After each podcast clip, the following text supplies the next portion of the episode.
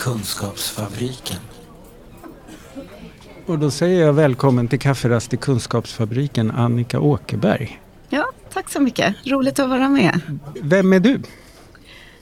Ja, jag är människorättsjurist ehm, och jobbar sedan 2015 hos Civil Rights Defenders.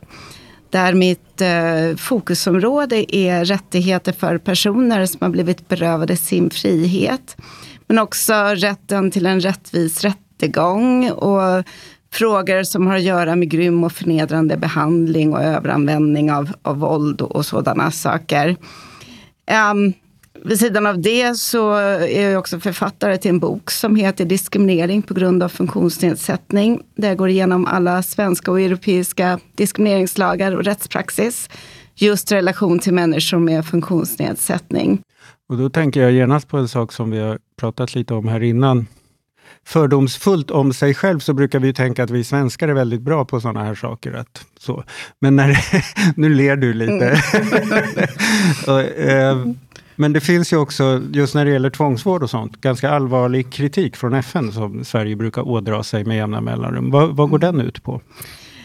Um, mycket av kritiken handlar ju om att människor inte får information om sina rättigheter på ett sätt de, de ska få. Äm, också att vi använder olika typer av tvångsåtgärder utan skriftligt informerat samtycke. Äm, vi har även fått kritik för äh, att vi i vissa institutioner inte har uppföljningssamtal efter att man har blivit utsatt för tvångsåtgärder. Vilket gör att kan man ju inte heller ge bästa möjliga vård i relation till det eller bästa möjliga eh, hantering nästa gång man kanske blir utåtagerande. Mm. Eh, och det är väldigt stark kritik faktiskt vi har fått. Och är det det där som kallas för FNs tortyrkommitté? Eller vad kallas ja, ja som, bland annat. Mm. Um, både från FNs tortyrkommitté, FNs Human Rights Committee, FNs barnrättskommitté, eh, FNs um, eh, kommitté för ekonomiska, sociala och kulturella rättigheter Jaha, ja. och även den om mänskliga rättigheter för människor med funktionsnedsättning. Vi har fått, fått kritik från samtliga just när det gäller um, tvångsvårds... Um, mm arbetet och även från eh, Europarådets tortyrkommitté. Så att det är, det är så att säga en, en, en enhetlig kritik som, som kommer från de olika aktörerna. Och kommer de hit och gör egna undersökningar då av hur tvångsvården fungerar i Sverige? Eller? Ja och nej. Um, Europarådets tortyrkommitté kommer ju hit och besöker rent faktiskt de olika institutionerna och, och tittar på hur det ser ut och sådär.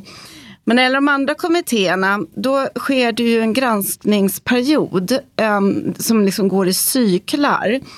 Så först rapporterar landet till berörd FN-kommitté. Och sen så kan civilsamhället lämna um, alternativa rapporter till regeringens.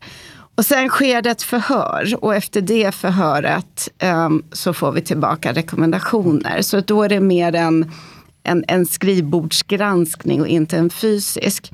Men när det gäller till exempel tortyrkommittén så kan ju de komma, åka ut till länderna och, och granska situationen om de vill. Och som den minnesgode kunskaps, eller vad heter det, den minnesgode poddlyssnaren, eh, så hade vi för några år sedan med oss eh, Anna Kvarnström, som då jobbade på RSMH i ett projekt tillsammans med Civil Rights Defenders, mm. som hette Inlåst men inte utan rättigheter. Ja. Just det. Och det du gör nu, är det alltså en fortsättning på det projektet? Eller? Ja.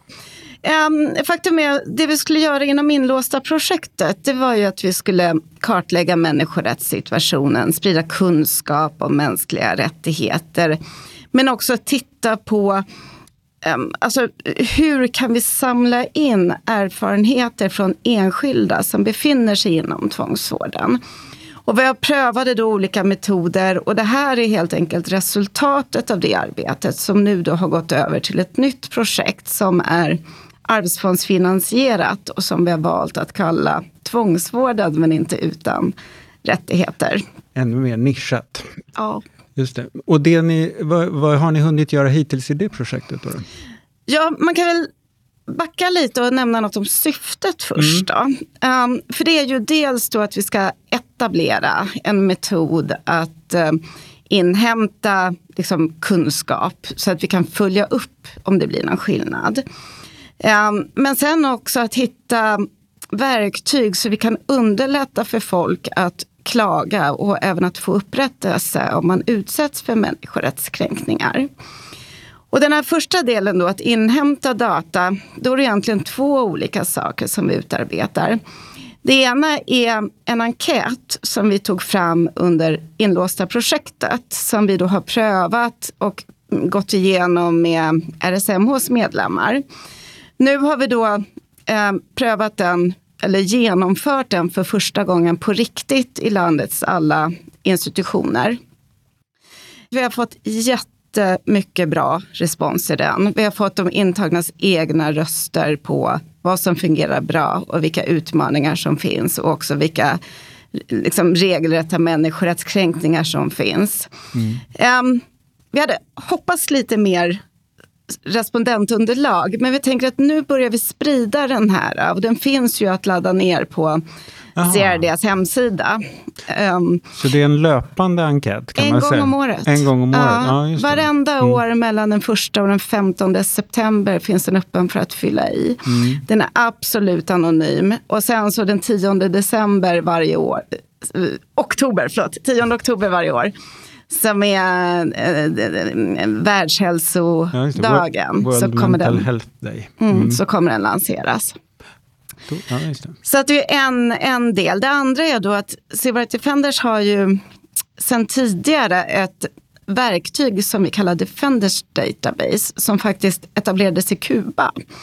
Eh, och det är ett sätt för människorättsförsvarare och organisationer och så vidare att rapportera människorättskränkningar in i ett system. Mm.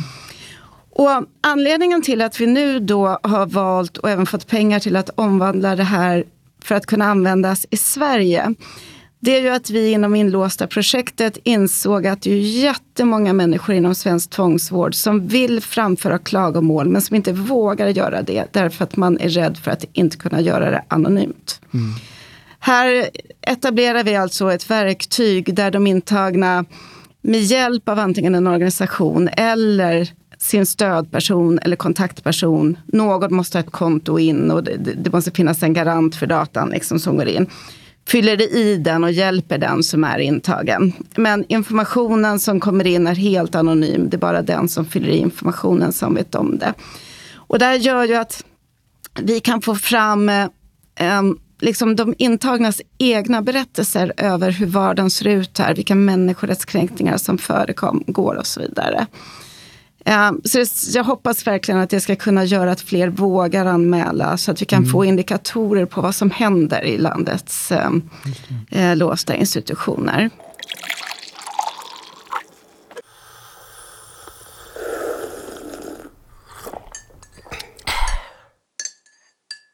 En annan sak som vi noterade inom inlåsta projektet det var ju att det var väldigt många enskilda personer som upplevde att de inte fick tillräckligt bra stöd från advokater. Vi gjorde mm. djupintervjuer med, med en radda intagna som, som gav olika exempel på när det hade kunnat eh, förbättrats. I grund och botten så handlar det ju om att den enskilda individen då behöver liksom förstå alla delar av den rättsliga processen för att kunna föra fram sin version av den. Men man kanske också behöver få materialet, informationen, mm. bakgrunden och så på ett sätt man kan ta till sig och vid en tidpunkt man kan ta till sig. Um, och när vi har arrangerat seminarium med um, advokater och så, så blev det ju fullsatt. Vi hade en, ett seminarium under för, förra årets advokatdagar i ämnet skäliga anpassningar och rättigheter för personer med funktionsnedsättning. Eh, där fanns ett jättestort intresse och särskilt när det gäller advokater som har klienter som har psykosociala, neuropsykiatriska och intellektuella funktionsnedsättningar. Mm. Det finns ett skriande behov mm. av att ha någonstans att vända sig för att kunna få mer information om vad innebär det här i praktiken? Um, vad innebär det att ha neuropsykiatrisk funktionsnedsättning? Vad ska jag tänka på? Vad ska jag fråga om? Mm. Uh, och sådana saker. Så det vi nu gör eh, det är att vi har fått pengar för att bygga upp en digital plattform för advokater tillsammans mm. Mm. med funktionshindersorganisationer. Där vi från Rights Defenders sida tar fram mallar för vad det är för slags information som advokaterna önskar. Och sen är det då organisationerna själva som fyller i den här informationen. Och kan ta med länkar till sina egna organisationer och det ska liksom finnas sökformulär på olika symptom, på olika diagnoser, på olika tekniska, praktiska lösningar. För att advokater har ju olika ingångar. Mm. Någon kanske bara misstänker att det kan finnas en koncentrationsstörning. Då ska man kunna in och söka på ordet koncentrationssvårigheter och få fram lite tips på vad man kan tänka på, vad man kan fråga om och vad det kan innebära sen i en rättegång till exempel. Hur man planerar den så att den passar ja. ens klient. Liksom. Precis, mm. och också man, man, kanske får en klient som har allvarlig dyslexi. Um, och, och, då kanske man kan behöva veta vad finns det för appar som gör att man kan omvandla den skriftliga texten på ett sätt så att den som har dyslexi kan läsa det. Var bokar man en skrivtolk? Var, så det ska vara hela raddan av praktiska, teoretiska och, och informationssaker ehm, ehm, um, um, som man kan inhämta där. Och det här är ju en jätteintressant um, sak som jag hoppas verkligen ska kunna göra skillnad. För det är så många som har varit med i en rättsprocess som känner att de inte riktigt har förstått vad de anklagade för eller när de ska föra fram sina synpunkter. Och det finns ju också jättemånga som inte vågar berätta att de har en funktionsnedsättning. Mm. Särskilt inte inför rätten. Men om då ändå advokaten vet hur de kan stötta personen, till exempel mm. hur man framför information, så kan ju det vara fullständigt avgörande för den enskilde. Ja, alltså jag gissar att det både klient och företrädare känner sig lite maktlösa i situationen. Sådär mm. att, eh, och vet inte vad man kan prata om och hur man ska prata om det och hur man ska lösa det. Ja, liksom. mm. precis. Och också om advokater har bättre kunskap om eh, ta bara hur rätten till en rättvis rättegång är formulerad i FNs konvention om rättigheter för personer med funktionsnedsättning till exempel. Då är det också lättare för dem att ställa krav på rättsväsendet om den enskilde, alltså klienten, vill det. Um, så det är många delar som är viktiga här. Men det här är någonting som jag tycker ska bli jätteroligt att, att uh, vi nu håller på med. Kafferast i Kunskapsfabriken.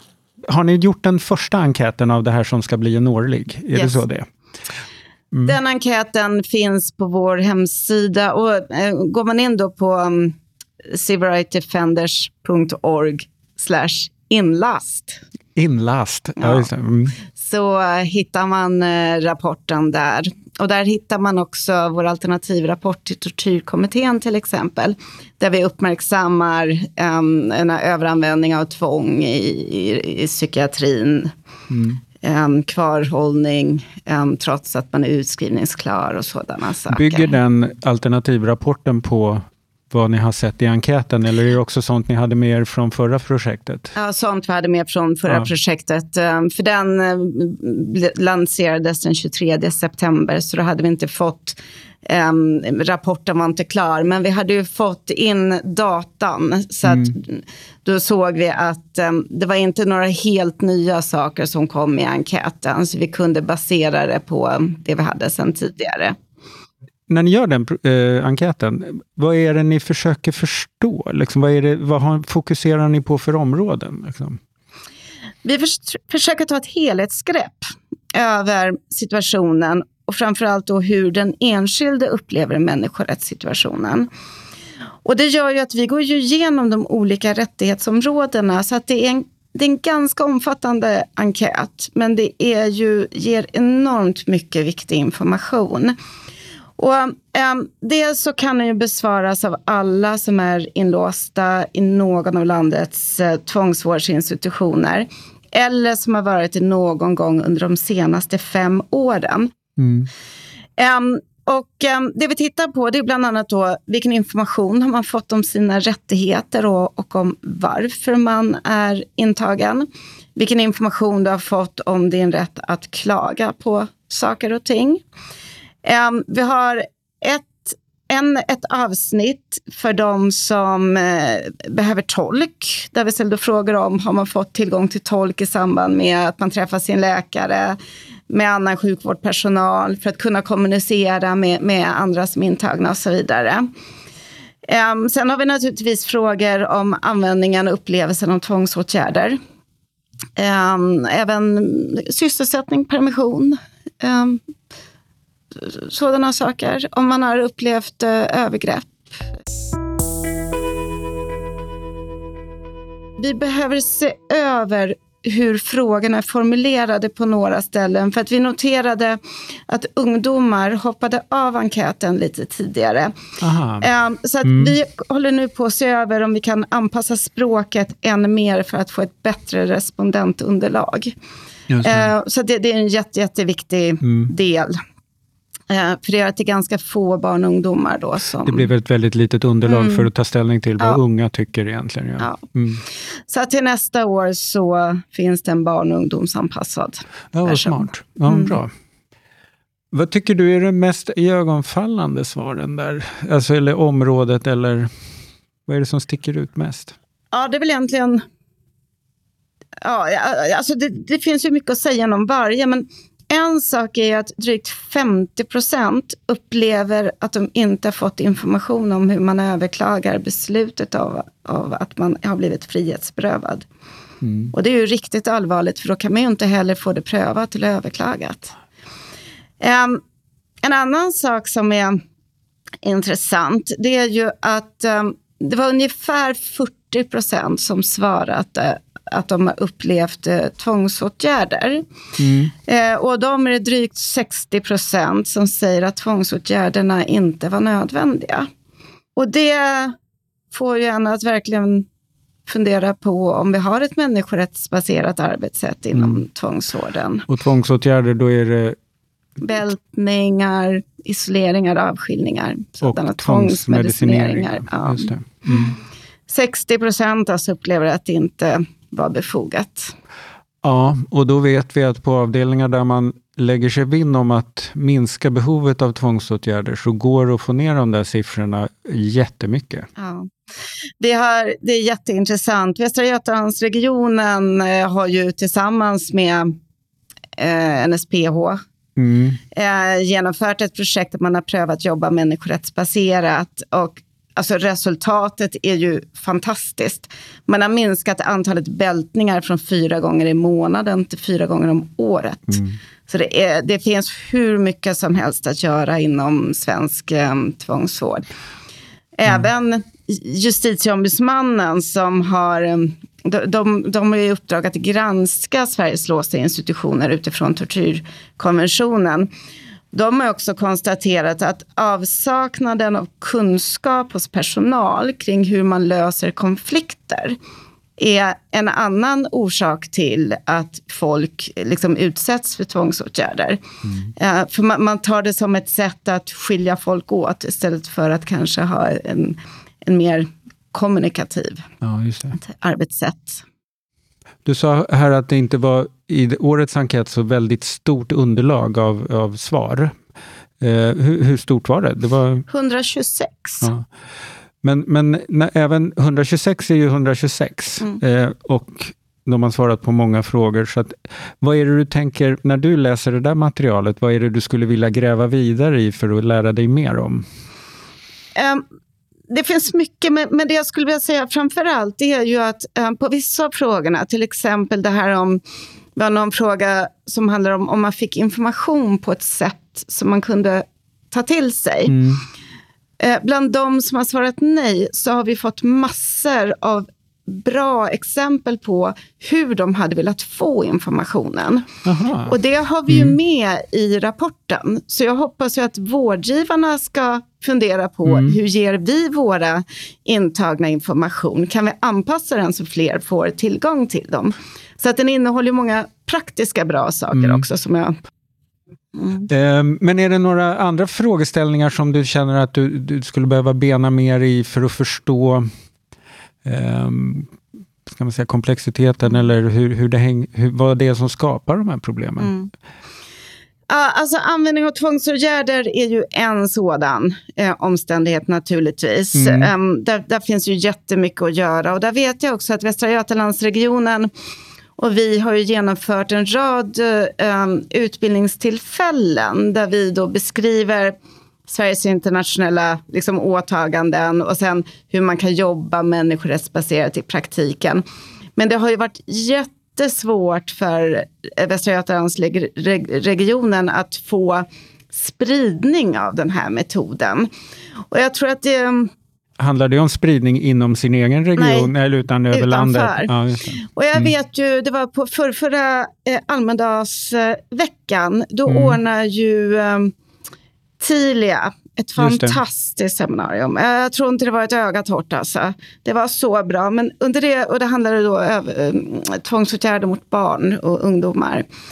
Och där sitter ju en överläkare och säger att ja, när jag började jobba med de här frågorna, då var det inte möjligt att bälta barn. Och då hittade vi andra sätt att hantera barnen som var utåtagerande. Eh, nu när det är tillåtet, då blir det den lösningen man tar till. Mm. Så jag tror att genom att vi verkligen förändrar systemet, tar bort de här förenklande möjligheterna, eller vad jag ska kalla det, så tvingas vi också arbeta med andra sätt. Nu har vi ju tack och lov fått en förbättring i lagen. Mm.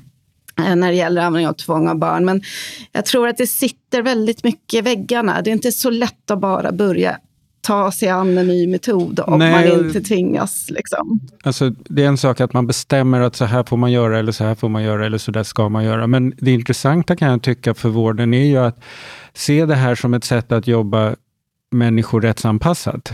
Då blir det liksom deras ingång blir ju en annan. Att, eh, det handlar om att vi ska försvara vissa värden. Det handlar inte bara mekaniskt om vad vi gör i vården, utan det handlar om vad vi står för i vården. Och då, då blir det ju, det skulle man väl kunna säga, ett riktigt värdegrundsarbete. Ja. Hur vet vi vad som är bra? Hur vet vi att det blir bättre? Vad ska ni hugga tag i härnäst? Just nu så är vi mitt i uppbyggnaden av den digitala eh, Ja, ja, just det. plattformen. Den, och det är den plattformen för advokater? Ja, precis. Mm, det. Eh, men eh, vi håller också på att titta på um, um, hur vi ska gå vidare med till exempel att det var så många som upplever att de inte får information. Där har vi ju lagstiftningen på plats. Mm. Den är jättetydlig och jättebra. Eh, då handlar det om att uppmärksamma till exempel psykiatrisyrrorna, läkarna och så vidare, um, även patientnämnderna, om att det behöver finnas information på ett mycket, mycket bättre och effektivt sätt i institutionerna. Så då behöver vi titta på hur förmedlar vi det? Um, alltså att det behöver finnas. Eh, inte vad lagen säger, för den, Nej, den finns ju redan. För det Utan hur ja, görs det Ja, rent praktiskt? Um, och framförallt sen också um, ja, de här två frågorna, börja jobba människorättsbaserat och att minska övergrepp. Um, Mm. det, det, det är ju så basala, så enormt viktiga frågor.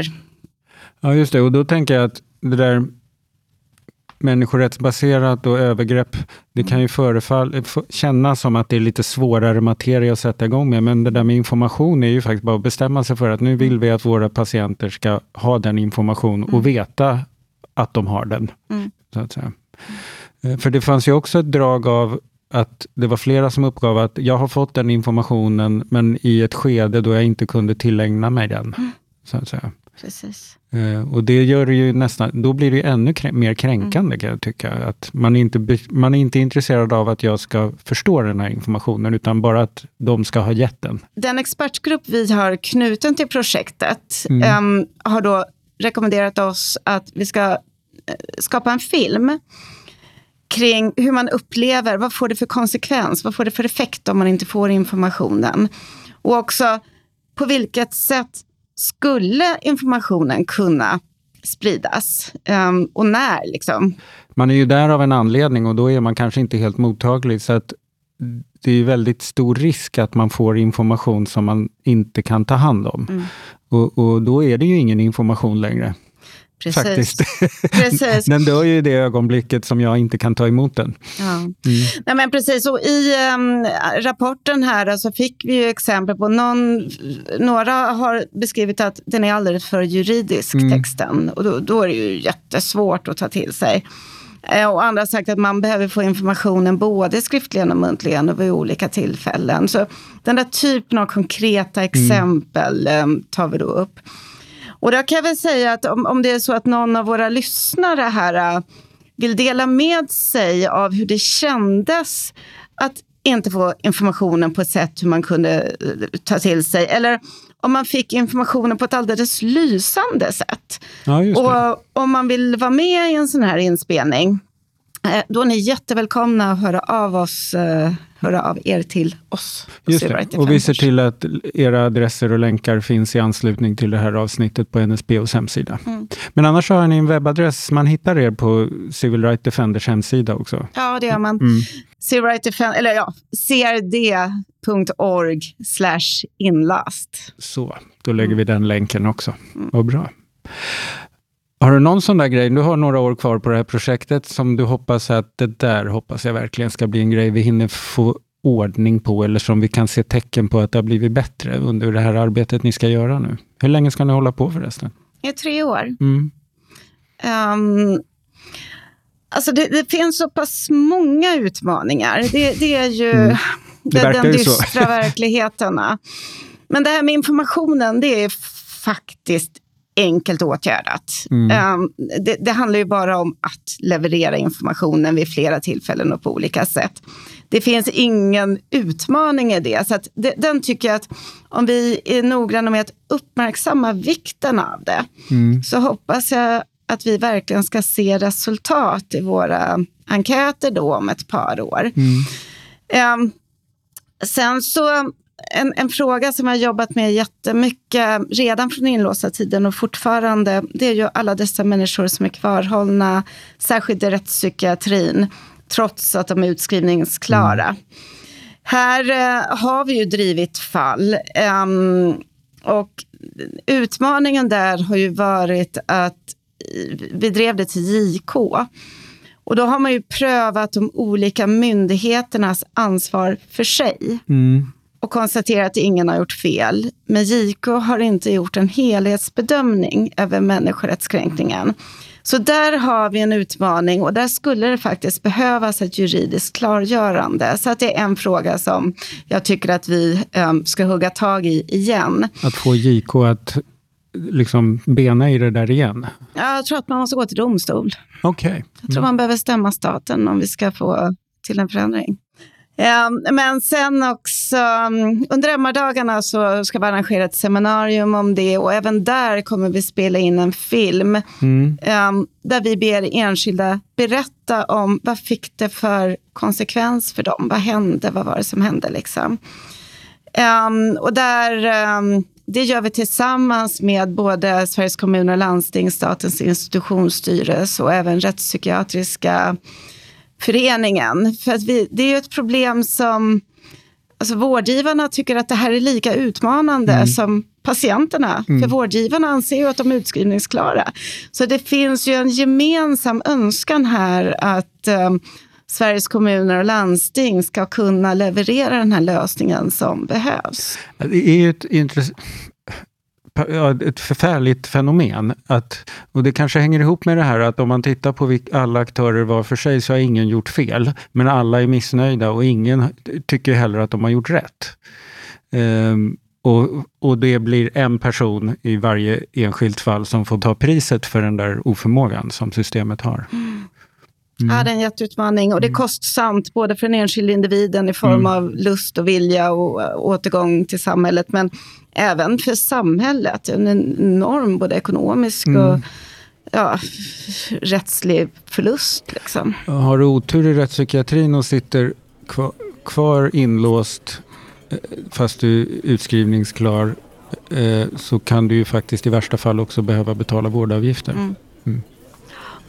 Ja, det, det finns att jobba Nästa gång vi ses så hoppas vi att vi har sett en ljusning på det här Ja. området. Ja, Vad, vad trevligt att ha dig här Annika. ja det var väldigt roligt att vara här Det finns mycket att prata om i de här frågorna. Vi, å, vi får återkomma när det börjar närma dig nu, slutet på projektet sen Ja. också.